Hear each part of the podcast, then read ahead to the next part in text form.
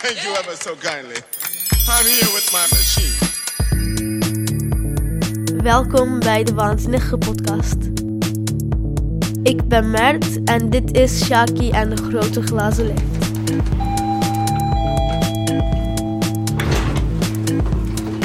Waar dit boek over gaat? Meneer Wonka, Shaki en eh, zijn familie gaan naar de fabriek met een grote glazen lift. Shaki is in deel 1 directeur geworden van de chocoladefabriek. Hij neemt zijn hele familie mee in de magische glazen lift. Zijn ouders, zijn grootouders en zijn overgrootouders. En die laatste zijn zo oud dat ze alleen nog maar in bed liggen. Ze worden met bed en al in hun pyjama zo de lift ingeschoven. Ehm, ze gaan heel erg omhoog en daarna eh, willen ze de dak stuk maken. Dit boek begint waar deel 1 eindigt. In de lucht. Mert vloog trouwens zelf drie jaar geleden door de lucht. Maar dan wel in een vliegtuig. Hij verhuisde van Turkije naar Nederland. Op het vliegtuig dacht ik na over wat er zou gebeuren als we hier zouden gaan. We gingen helemaal opnieuw beginnen. We hadden niet heel veel spullen meegenomen uit onze oude huis. Shaki is inmiddels directeur van de chocoladefabriek en Willy Wonka neemt ze mee naar een nieuw avontuur. Ze zweven in de grote glazen lift een paar honderd meter boven de grond met een lekker vaartje. Maar dan Gaat er iets niet goed en gaan ze de ruimte in. En daar ziet een ruimteschip van eh, Amerika hun met de drie astronauten. Shorman, Shanks en Shimp. En ze denken dat zij spionnen zijn, vermomde astronauten. De drie astronauten rapporteren aan de controlekamer wat ze zien. Drie oude knarren die in hun nachthemd ronddrijven in een glazen doos. En een jongetje van een jaar of tien. De Amerikaanse president weet het zeker. Dat is een dwergastronaut, verkleed als jongetje. En die oude mensen, dat zijn ook vermomde astronauten. Huh? Heel Amerika siddert van angst. En ehm, er is ook in de ruimte een ruimtehotel Amerika gemaakt. Ze gaan de ruimtehotel in. En ze denken dat ze iets gaan doen met de ehm, ruimtehotel. Laten ontploffen of zo. Als Shaki en zijn familie en Willy Wonka eenmaal in het ruimtehotel zijn, is de Amerikaanse president het zat. Hij schreeuwt door de luidspreker zo het ruimtehotel in. It's fake, phony, fake. Nee, dat is die andere president. Weet je wat deze zei? Opgelet jullie acht vreemde astronauten. Dit is de controlekamer. Jullie bevinden je op Amerikaans gebied. Jullie moeten je ogenblikkelijk bekendmaken. Spreek nu. En dan gaat Willy Wonka een hele rare eh, liedje zingen. Dat klinkt ongeveer zo. Funkaki, kandrukaki, wij zijn sterkie, gij zij zwakkie. Popokaki, borumaki, het is een wagie om te plagie. Kati, kati, maansen sterra, Venus, Mars, wij reizen verra. En de Amerikanen? Ja, de, die schrikken helemaal.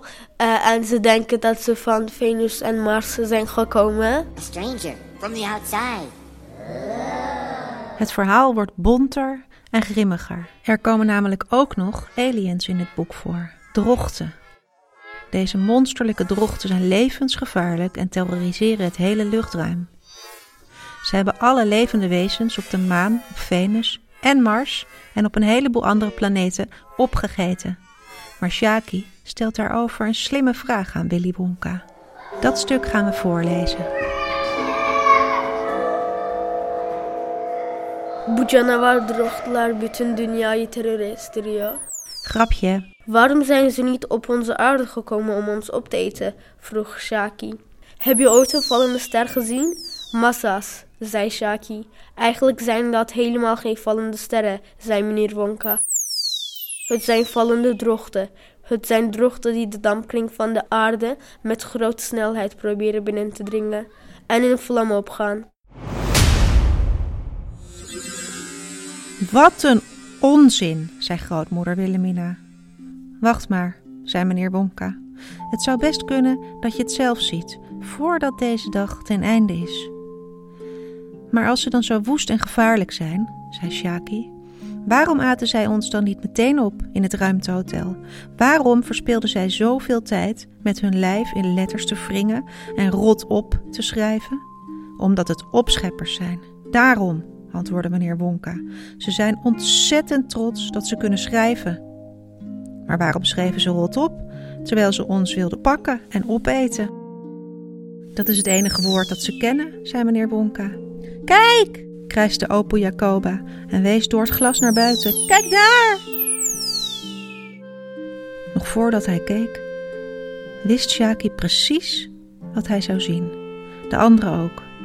Dat hoorden ze uit de hoge, hysterische toon van de stem van de oude dame. En jouwer, daar, naast de lift, gleed moeiteloos een kolossale, monsterlijke drocht, zo dik als een walvis en zo lang als een vrachtauto. Met een allervreedste, afzichtelijke blik in zijn oog. Hij was maar een paar meter van hen af. Eivormig, slijmerig, groenig-bruin met een kwaadaardig rood oog. Het enige dat te zien was, dat gespannen op de ronddrijvende mensen in de grote glazen lift gevestigd was. Ons laatste uurtje heeft geslagen, krijste grootmoeder Wilhelmina. Hij zal ons allemaal opvreten, riep mevrouw Stevens. We zijn er geweest, Shaki, zei opa Jacob. Shaki knikte. Hij kon geen woord, geen geluid uitbrengen. Zijn keel zat dichtgeschroefd van angst. Mert herinnert zich nog dat hij op het vliegtuig zat, van Turkije naar Nederland, om voor altijd te verhuizen. Toen zat zijn keel een beetje dichtgeschroefd van angst. Het was heel erg spannend voor mij. Een hele nieuwe land. Ik weet er echt niks van. Ik wist alleen dat Vincent van Gogh hier was geboren. Mert sprak dus ook geen Nederlands, maar dat ging al vrij snel heel goed. In mijn klas zeggen kinderen heel vaak weet ik veel. Ik dacht dat uh, vroeger dat ik weet heel veel betekende. Dus steeds als kinderen weet ik veel zeiden, uh, zei ik, ik weet dat jij heel veel weet, maar dat hoef je niet steeds te zeggen. ik dacht dat ze de hele tijd aan het opscheppen waren en zo.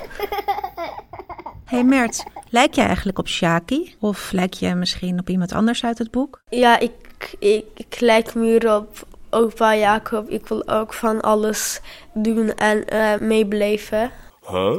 Ja, ik ging een keer een hele enge rollercoaster in, een achtbaan. Je ging echt helemaal hoog en toen ging je ineens naar beneden en maakte je um, heel veel loopings. Ik voelde heel veel angst en heel veel spanning. Ik schreeuwde wel, maar intussen moest ik ook steeds lachen. Someday, little children, someday soon.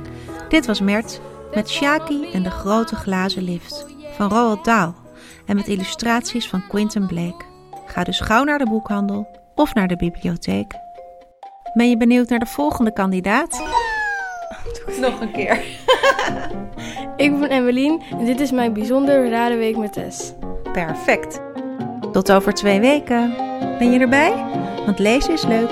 Je moet alleen nog even ontdekken welk boek bij jou past. Bye!